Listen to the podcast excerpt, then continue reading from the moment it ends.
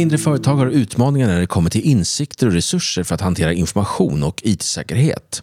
Och behöver du stöd, kunskap och insikt inom detta skulle du ha lyssnat på Matti och Robert under en fokuskväll hos SIG Security. Ja, men om du missar det så ta och lyssna här. På vilket sätt kan man med mindre resurser hantera detta på ett effektivt sätt utan att riskera mycket av säkerheten eller dra på sig för mycket kostnader? Matti Olofsson och Robert Willborg startade företaget One More Secure med syfte att just lösa det problemet. Okej, så med oss idag har vi alltså duon bakom One More Secure. Jag heter Mattias Jadesköld och min vapendragare naturligtvis är Erik Salitis. Det här är IT-säkerhetspodden. Här är vi, igång igen. Ja, välkommen Matti och Robert. Tack.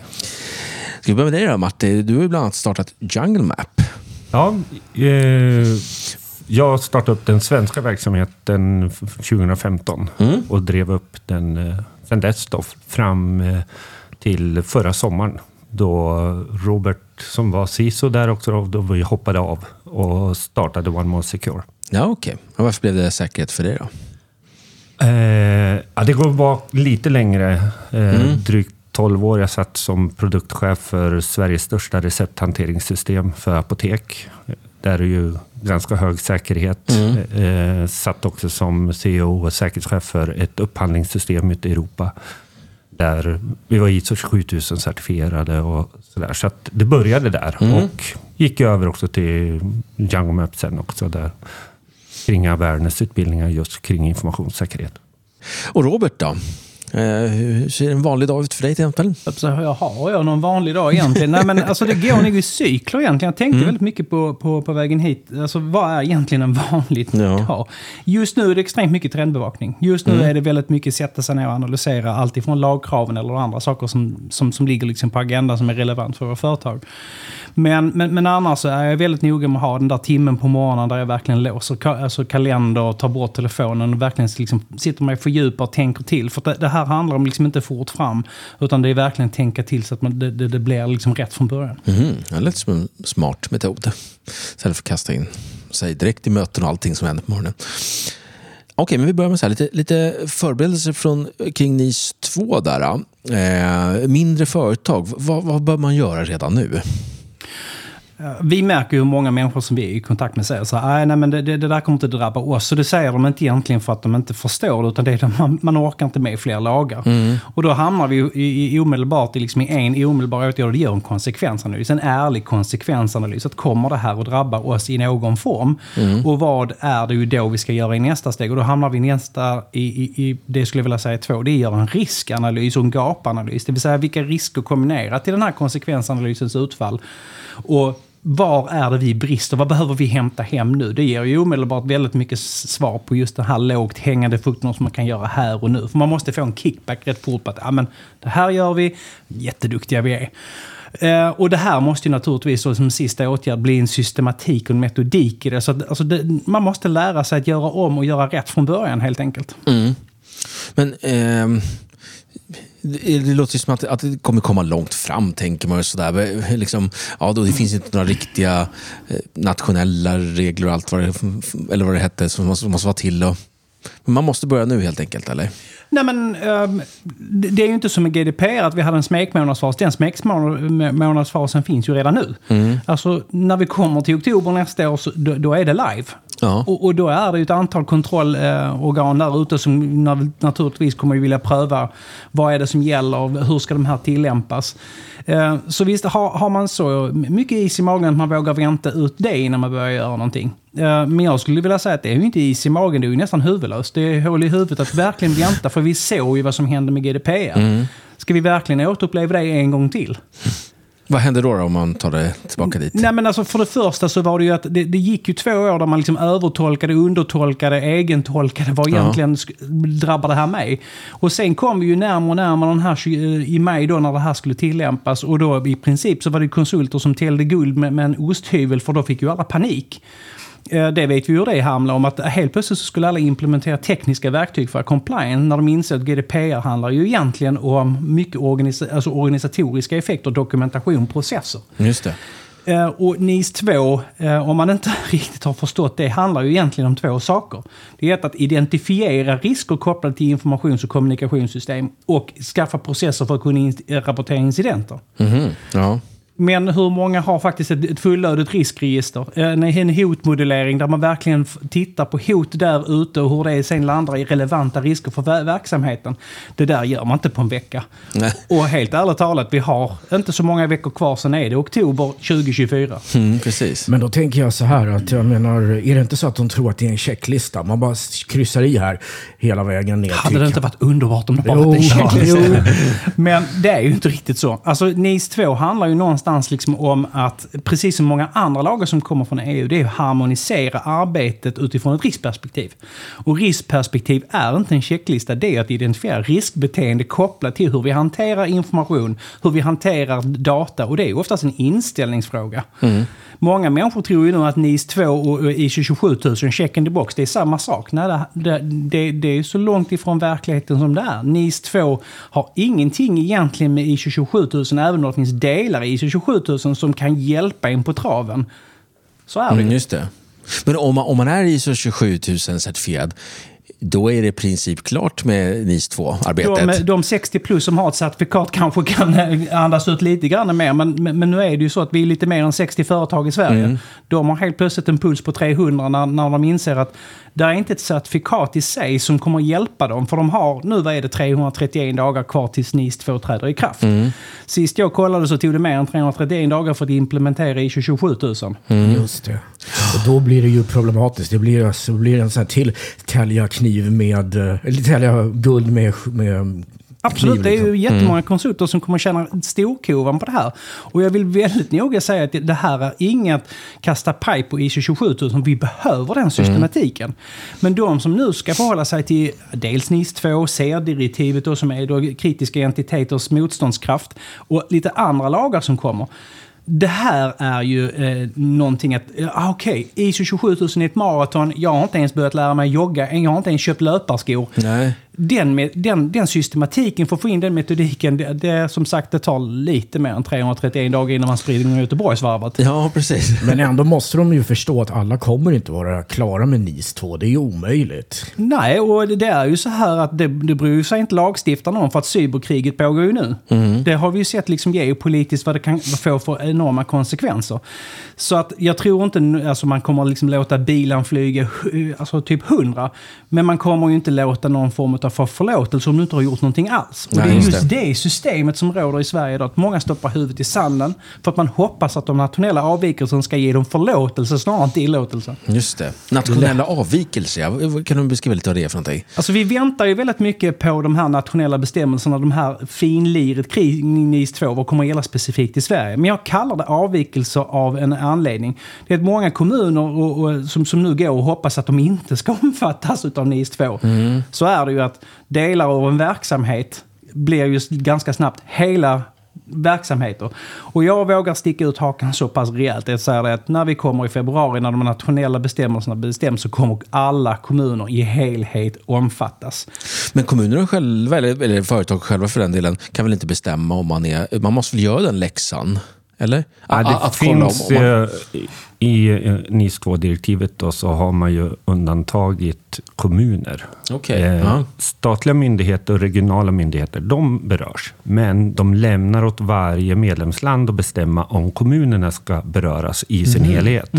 Och det är det vi väntar på att få reda på nu då för den svenska lagstiftningen då, som kommer i februari. Okej, då blir det ännu tajtare med tid då. Ja. Det är långt många fler än de där 60 certifikaterna, absolut. Men okej, men vi var inne på det här lite. Eh, Om man har mindre resurser än kanske en kommun då, till exempel. Då, hur ska man hantera det här på ett effektivt sätt? Ja, men vi, alltså, nu är det detta IT-säkerhetspodden och ni lyfter upp en, en extremt bra del av tre, det vill säga tillgång. Alltså det här handlar egentligen om hur vi ska skydda tillgången till vår data genom tekniska organisatoriska processer i princip. Så vad är det då jag ska göra med, med, med, med, med de få resurserna jag redan har? Alltså, det är faktiskt så att många verksamheter gör bra saker idag. Vi har jobbat med digitalisering i Sverige väldigt länge. Så den här konsekvensanalysen ska vi inte bara visa på om vi berörs av lagen, utan vad har vi för motmedel? Alltså sätt att hantera de här riskerna och hoten där ute idag och hur jackar de in i just NIS 2-arbetet? Och det här är någonting som måste göras idag för att just minska kostnaden. Annars blir det det här. Vi kommer komma till oktober och sen är det en konsult som kostar långt mycket mer än en jurist i timmen för att ens bara översätta kraven i kapitel 4 i NIS 2. Mm. Så för att undvika kostnader då, det är att Det börja... är direkt kostnad. Ja, just det.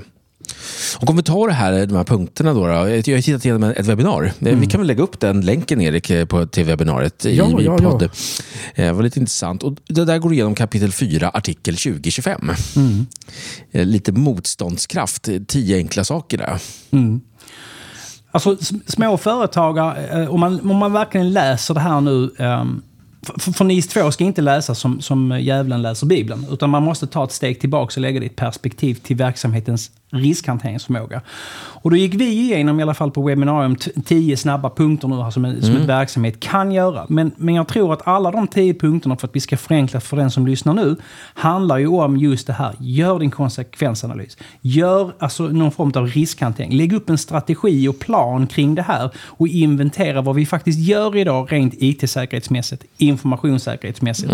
Glöm 17 gubbar nu inte utbildningen, det vill säga den kulturella delen. Att ledningens stöd, men utbildning kan inte vara liksom en effektfull ball grej med massa video, utan tydliga mätpunkter för vad är det vi ska lära oss, hur vet vi att det, det lärandet fungerar och över tiden som en process. För NIS 2 nämner väldigt specifikt just att man måste jobba med cyberhygien. Och cyberhygien är inte IT-säkerhet. Inte ens cybersäkerhet är IT-säkerhet, utan Alltså cyberhoten idag har blivit så pass komplexa så att det, cyberhoten är en verksamhetsfråga och inte en IT-fråga. Alltså kan det inte bara vara IT-säkerhet. Ja, just det. Och cyberhygien är egentligen bara en grundläggande förmåga att kunna hantera det här på ett, på ett korrekt och sunt sätt. Mm, Det det. gäller alla och alltid. Absolut, så är det ju. Men det, det här är som utbildning också. eh, Där finns det en koppling till hotmodellering. Jajamän. Hur, kan du beskriva lite det? Alltså hotmodellering är ju sånt här härligt begrepp som att först pratar vi riskanalys, sen pratar vi riskinventering och sen var det riskmatris för hela den biten. Men att hotmodell, risken är ju egentligen hur jag hanterar det som jag har identifierat som hot mot verksamheten. Men för att hitta hoten där ute, vad som faktiskt är hot mot verksamheten. Är det ransomware? Är det DDoS-attacker? Eller är det faktiskt att vi har ingen utbildning på plats så att de här klickar på länkar höger? Det är ingen risk, det är ett hot att de faktiskt gör det. Så den hotmodelleringen går egentligen ut på liksom så här typ att faktiskt leka inom situationstecken om hotet händer. Och där kommer ju ett antal risker då komma fram. Och nu är jag väldigt generell när jag pratar om hotmodellering. Men det handlar ju om att hitta de faktiska hoten. Hur skulle den här verksamheten stå emot de här hoten? Hur bygger vi motståndskraft mot ett ransomware, mot en DDoS-attack? Och där börjar riskhanteringen. Det vill säga hur identifierar och beskriver de riskerna kopplat till vad utfallet av den här hotmodelleringen är. Mm, just det. Men sen finns det också även eh, lite konkreta tekniska saker som kryptering till exempel. Jajamän. Eh, Och vad innebär det då? Att man måste allting krypterat eller hur, hur ska man tolka det? Eh, Nej, men det här är en intressant sak egentligen. Alltså, eh, vi har ju kunder som till exempel inte ska kryptera sin data för de, har, de sysslar med marknadsföring. Deras data är ju skapad för att vara där ute. Ja, Men det betyder inte att vi har ett skyddskrav typ GDPR, alltså personuppgifter och motsvarande. Så krypteringen handlar ju inte någon, och det är därför det nog inte egentligen är definierat i detalj vilken krypteringsnyckel, längd, motsvarande. Utan man säger att man ska ha en kryptering som, som möter ju det beho- skyddsbehovet som finns. Och då måste du börja med en informationsklassning innan man vet vilken form av kryptering Just som där det. ligger. Vet jag att jag har ah, restriktiv data, det är en arbetshandling som inte ännu är öppen för, för, för allmänheten och det kanske landar i att den är hemlig eller väldigt särskilt kvalificerad hemlig.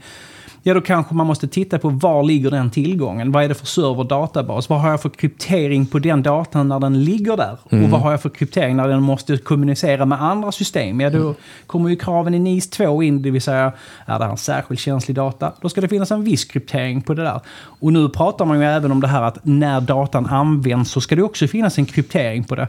Eh, Personligen, rent konkret, så förstår jag inte riktigt hur det ska fungera. För de lösningar som krypterar data i användning idag jag är lite skeptisk till att de faktiskt gör det och framförallt de är sjukt dyra.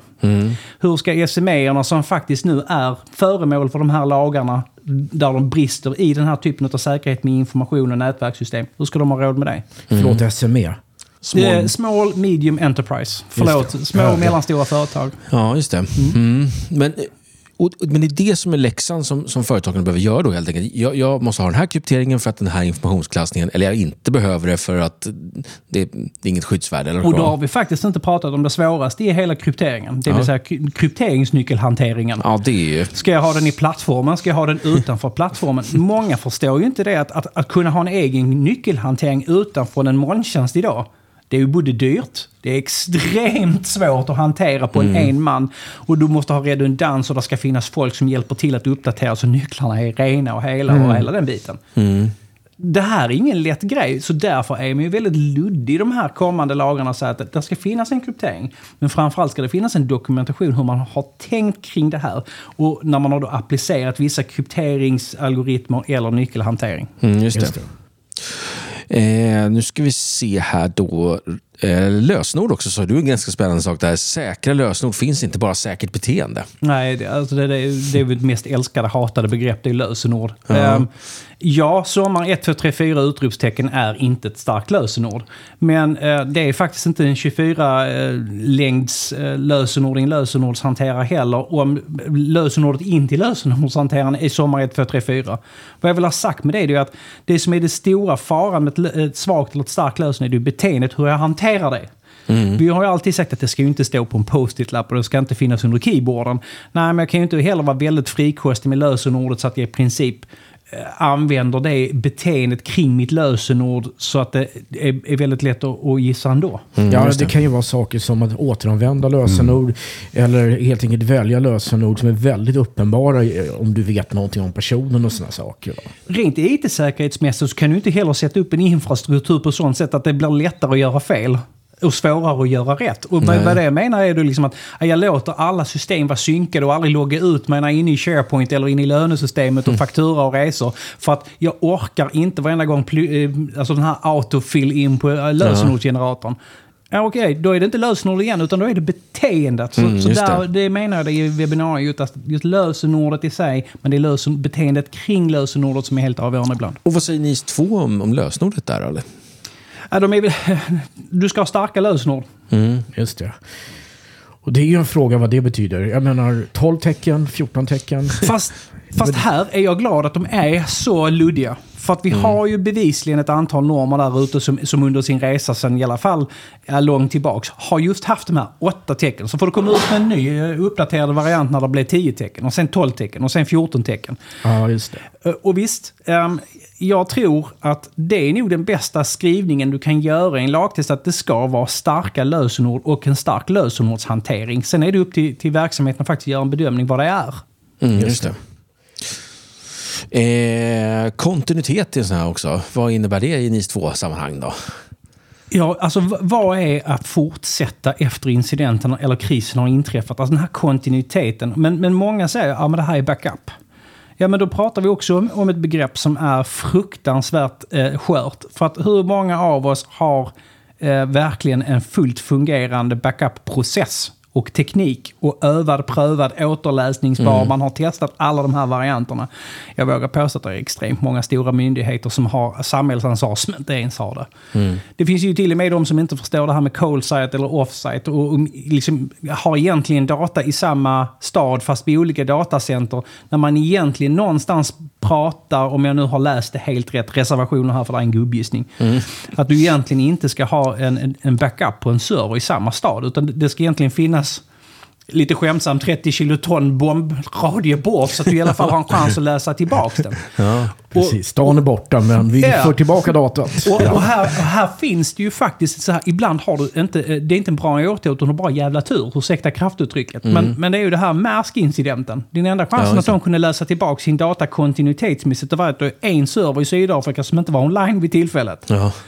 Det, så att man, man hade en åtgärd som man hade tur. Vad vi har sagt med då detta är att kontinuitet för mig är ju naturligtvis att man verkligen har en dialog i verksamheten. Hur ska vi hantera när det, det, det otrevliga inträffar? Hur kan vi göra affärer imorgon? Hur kan vi liksom bara läsa tillbaks datan och köra ransomware, DDoS, vad det nu än är? Och jag vill ta tillfället att ehm, faktiskt hänvisa till en av de större aktörerna på marknaden. Jag ska inte göra reklam för dem nu här, men de, de kom ut med en forskningsrapport som sa det att alltså medeltiden för nertid, det vill säga när du inte kommer åt systemen, ligger idag på 23 dagar. Det tar sen 280 plus dagar för att komma tillbaka till det läget man var innan incidenten. Hur många företag klarar 23 dagars nedtid? Ja, det beror ju på om du har att du säljer på nätet. Då har du problem. För det är ju 23 dagar Absolut. utan att kunna sälja dina produkter. Ja. Ja. Ja, och det är det som en kontinuitetsplan handlar om. lite så här. Om alla system är nere, vad gör jag då? En sån som har butiker då kanske har papper och penna, eller vad vet jag, hur man betalar, eller vad det kan vara för någonting då. Eller Nej, och kassa, gammal- kassasystemen Ja. är digitala Ja, idag. jo. Du ser på eh, Coop-händelsen. Ja, Ja, de kunde ju inte ta emot kontantbetalning ens. Nej. Därför att det låg ner. Idag är vi så uppkopplade till varandra. Och jag menar, här, här ser vi så här, ja, men jag är inte digital, svarar en, en liten kund. Ja, men har du ett Swish-system? Japp. Eh, Okej, det betyder att vi varje lönehelg kommer ha problem att Swish ligger nere, som vi har nu sett ett antal gånger. Bara en sån sak påverkar ju kontinuiteten och motståndskraften. Och ytterst, de här två orden, de, de tangerar ju konkurrenskraften. Brister du det här har du ingen konkurrenskraft, du förlorar affären. Mm. Och hur, gör man, hur startar man ett sånt arbete med en kontinuitetsplan? Enklast liksom. Nej, men jag tror att man måste definiera, alltså både det vi har pratat om lite grann, att man måste hotmodellera lite grann. Alltså vad, vad är det som är konkreta hot mot min verksamhet så som jag vill bedriva den? Vilka risker är kopplade till det här? Och hur eh, vill jag planera min IT-säkerhet, det vill säga rent de tekniska verktygen eller organisatoriska processerna för att hantera dem, alltså mitigera de här riskerna. När man är klar med den saken, då, då måste du ändå någonstans sagt så här, okej, om det ändå osannolika inträffar, hur ser jag till att läsa tillbaka min data? Bara att egentligen ha fört den dialogen med sig själv eller skrivit ner en tanke eller sitta i i en ledningsgrupp och bara prata om det är faktiskt en kontinuitetsplanering i sin absolut mest rudimentära form. Ja. Men du har börjat resan. Just det. Mm. Ja, men intressant. Det finns en hel del att hugga tag i helt enkelt då, med den här kapitel 4. Ska vi hoppa över till den här One More Secure Platform då? Eh, en plattform om cyberhygien helt enkelt. Ja. Nu hoppar vi lite fram och tillbaka med cyberhygien, men du kan väl dra lite snabbt vad, vad innebär cyberhygien igen då? Nej, men när vi startade One More Secure så såg vi att ska vi lyfta Sveriges eh, cybersäkerhetsförmåga, då måste vi också hjälpa små och mellanstora bolag som kanske har inte tillräckliga resurser eller kompetens kring cybersäkerhetsarbetet. Och just cyberhygien, att ha en grundläggande cyberhygien, det handlar just om, ja, det Robert var inne på, IT-säkerhet, informationssäkerhet, lagefterlevnad och framförallt också säkerhetskultur. Det är samverkan mellan de här delarna. Att du har god koll på det här, det, då har du en god cyberhygien. Och ska vi hjälpa och stötta små och mellanstora företag, då måste vi göra det enkelt. Vi kan inte komma och säga, jag implementerar ISO 27000. Ja, det tar ett, två år, det kostar en halv miljon kronor. Det, det är för krångligt. Så vi måste göra det enkelt. Så vad vi på One More Secure har gjort då, det är ju att tagit fram en plattform för att få kontroll på sin cyberhygien på ett väldigt enkelt sätt. Och därmed också, eftersom vi är uppkopplade till varandra som aldrig förr. Nästan alla har en extern leverantör som är lönesystem eller fakturasystem, orderhanteringssystem, webbhandel och så vidare. Hur funkar den plattformen då? Ja, och det är ju en extrem, vi är extremt sårbara i just där leverantörskedjan. För Just vi det. är så beroende av varandra idag. Mm. Så vår plattform är just det att du kan gå in och få koll på din egen cyberhygien, men också säkra upp sina leverantörers cyberhygien. Mm. Så hur, hur, om, liksom, om, om, om, säg att jag, jag har ett företag då, så loggar jag in Mm. i plattformen. Vad, vad, vad möts jag av då? då liksom? Du möts ju av dels det jag gör för min egen organisation. Eh, har jag gjort deklarationen för mig själv inom de här fyra områdena till exempel så kan jag se en åtgärdslista med rekommenderade åtgärder för att öka sin motståndskraft. Och, och vi ger också ett säkerhetsindex mellan 0 och 5 så att man har också en KPI som man kan också jämföra med över tid och jämföra gentemot sina leverantörer. Och så kan jag gå in, lägga in sina leverantörer med ett organisationsnummer och då skickas en, den här säkerhetsdeklarationen till leverantören. Det tar ungefär 30 minuter att svara på. Det vi har gjort är att tagit fram kontroller som bygger på de stora ramverken som ISO 27000, men vi har dragit ner antalet och sen det viktigaste, dejargonized it. Alltså översatt det till ett begripligt språk. Ja.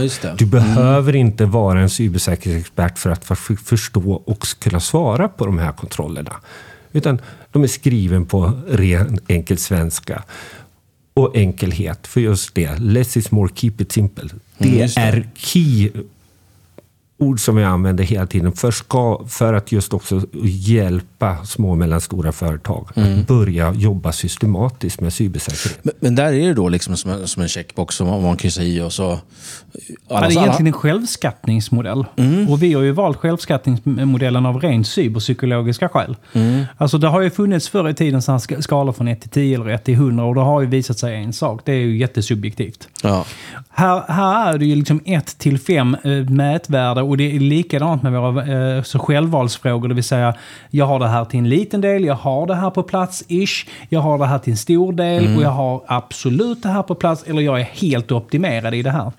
Den självskattningsmodellen går ju ut på att du ska faktiskt få upp ögonen för din egen förmåga. Och då är det jättemånga som säger, ja men då går det ju att ljuga rejält. Vi har svart på vitt nu. Det är inte många som ljuger alls. Det är för, tvärtom, man underskattar sin förmåga. Och det- jag tror det är också en viktig... Jag tror många kan skriva under på det att vid anbudsförfarande och så vidare, leverantörer tar på sig bästa gå bort-kostymen då när de ska svara på ett anbud.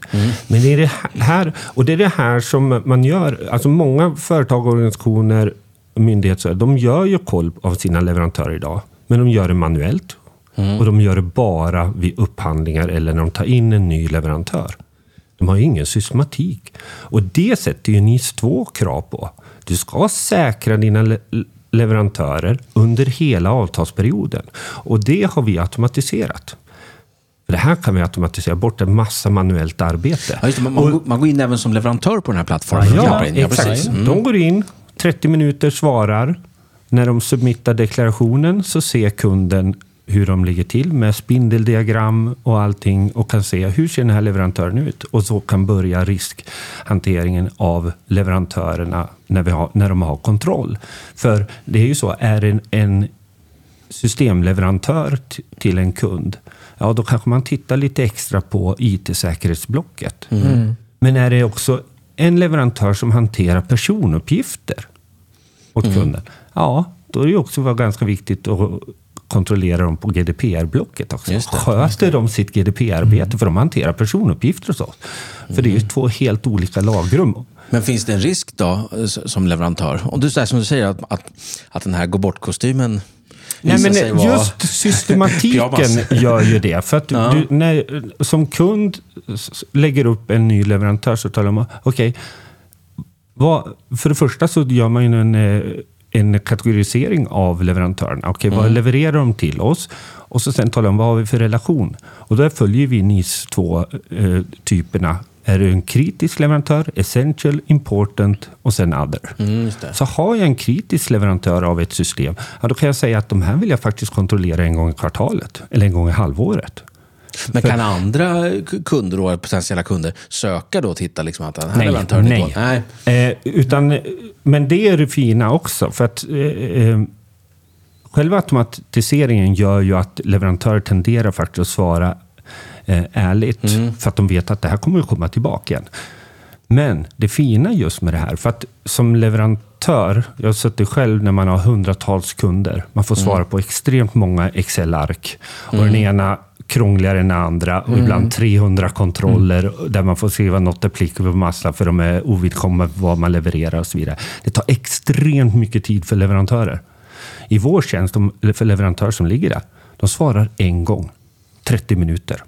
Sen kommer nästa kund och säger ja, vi har dig som leverantör.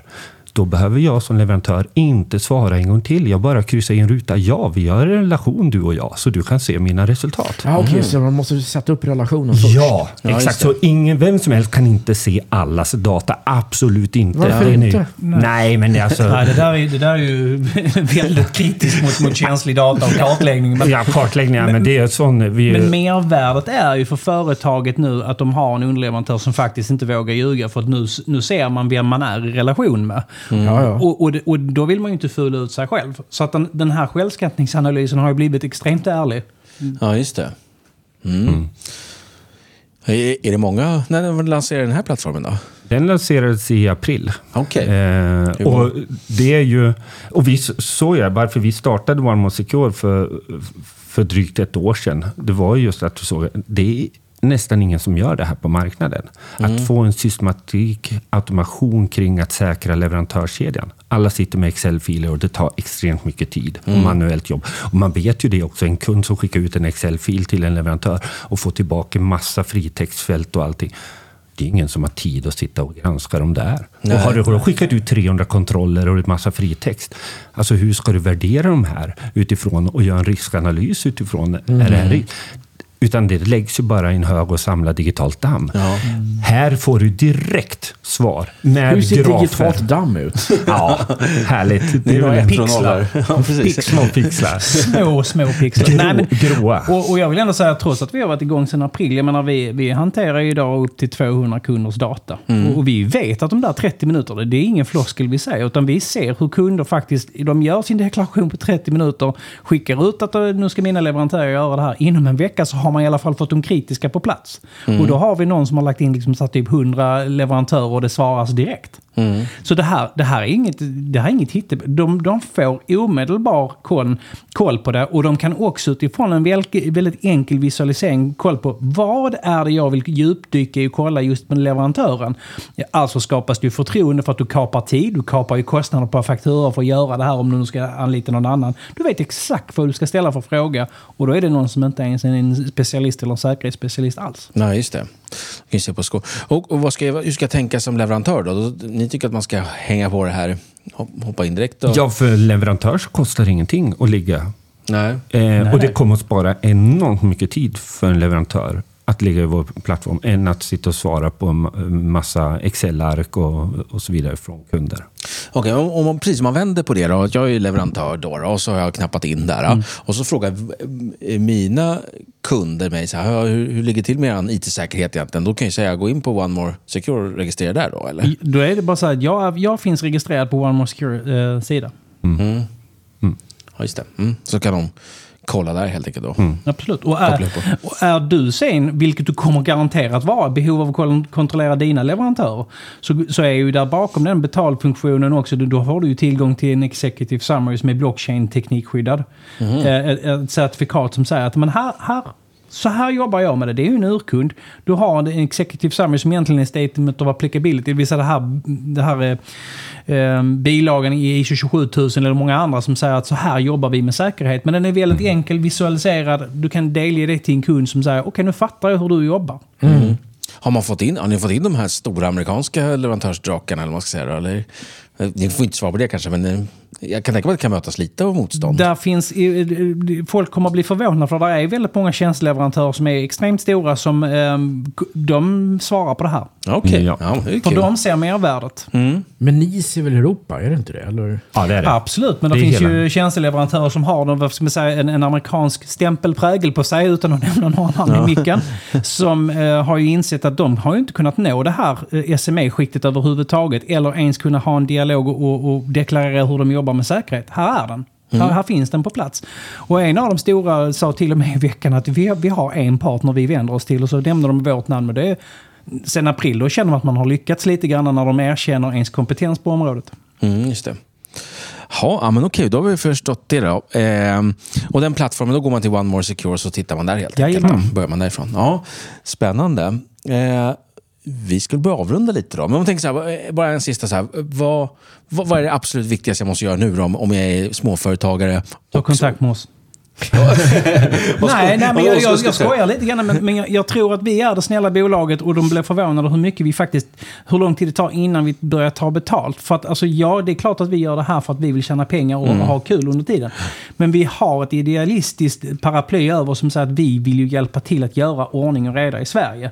Så att vi, vi ser ju på kunden att de är i behov. Låt oss prata i alla fall. Vi är ju inte egentligen någon som löser någonting i den meningen. utan Då, pe då pekar vi ju vidare till våra samarbetspartners som vi jobbar med när de behöver hjälp. Mm, just det.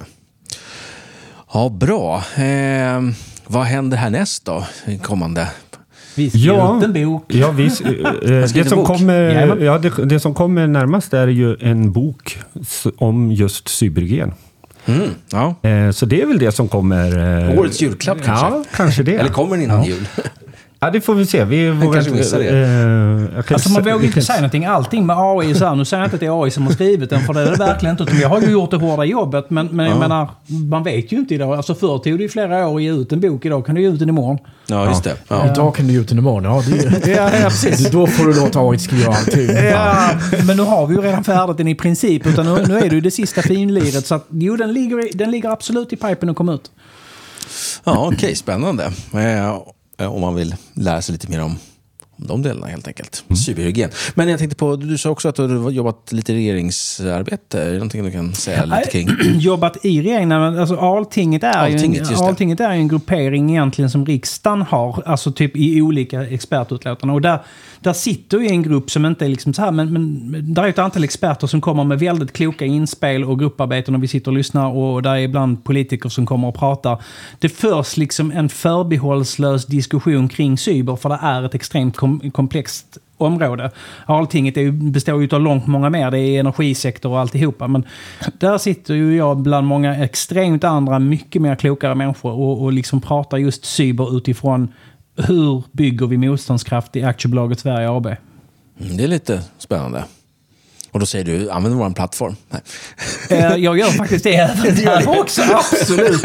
Men, eh, absolut. Nej, men, men där sitter ju representanter från väldigt många olika sektorer som faktiskt är samhällsviktiga. Och det är otroligt givande att faktiskt sitta med och lyssna och höra och ta med sig erfarenheter därifrån. Ja, men det är spännande. Och det har inte, det har inte funnits riktigt. Jag har väl diskuterat förut i podden genom några år att, att folk har gnällt lite på att vi inte varit att vi inte tagit det på, på riksdagsnivå riktigt de här med cybersäkerhetsfrågorna på allvar. Jag tycker de gör det. Sen tycker jag att de har fel perspektiv ibland, men det är ju min demokratiska rättighet att tycka att inte de alltid har rätt. Men, men jag tycker att det, det, det pågår otroligt mycket bra grejer i bakgrunden. Det gör det. Ja, Men kul. samtidigt så kan man ju också, eh, om vi titt- lyfter blicken och tittar ur ett europeiskt perspektiv, så är ju många europeiska länder har ju till exempel en egen cybersäkerhetsmyndighet. Det saknar Sverige ja, just det. helt. Och, och Vi, vi har ett cybersäkerhetscentrum, men vi har ingen myndighet. Nej. Ja, just Där, därmed faller Och- ju väldigt mycket, tycker Och, jag. och, och själva centret ligger då, ansvaret för det eh, ägs ju av en av eh, de hemligaste myndigheterna vi har då. Eh, FRA är ju enormt kompetent och bra eh, eh, myndighet, men det är inte den mest öppna. Och är det någonting vi behöver för att öka motståndskraften i Sverige så är det ju faktiskt att vi delar med oss till just det. varandra och hjälper varandra och framförallt hjälper små och mellanstora bolag. Och där ligger ju Sverige enormt långt efter andra europeiska länder. Det är så. Och vi måste också ha en, en här, det, det, det svenska kulturella perspektivet är ju någonstans att vår demokrati har kommit så pass långt så vi gör ju ingenting från krisen är ett faktum. Nej. Eh, Vi har ju en väldigt eh, förmyndarkultur som gör att just att, att agera innan det händer, att bygga motståndskraft, att bygga den här kontinuiteten.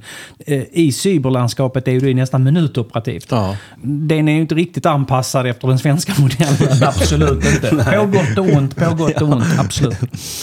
Ja, ja okej. Ja, spännande. Får se hur det blir med det då. Eh, litet sidospår, men tack så jättemycket Matti Olofsson och Robert Wilborg att ni var med i IT6-podden. Tack, Tack så mycket. Tack så mycket.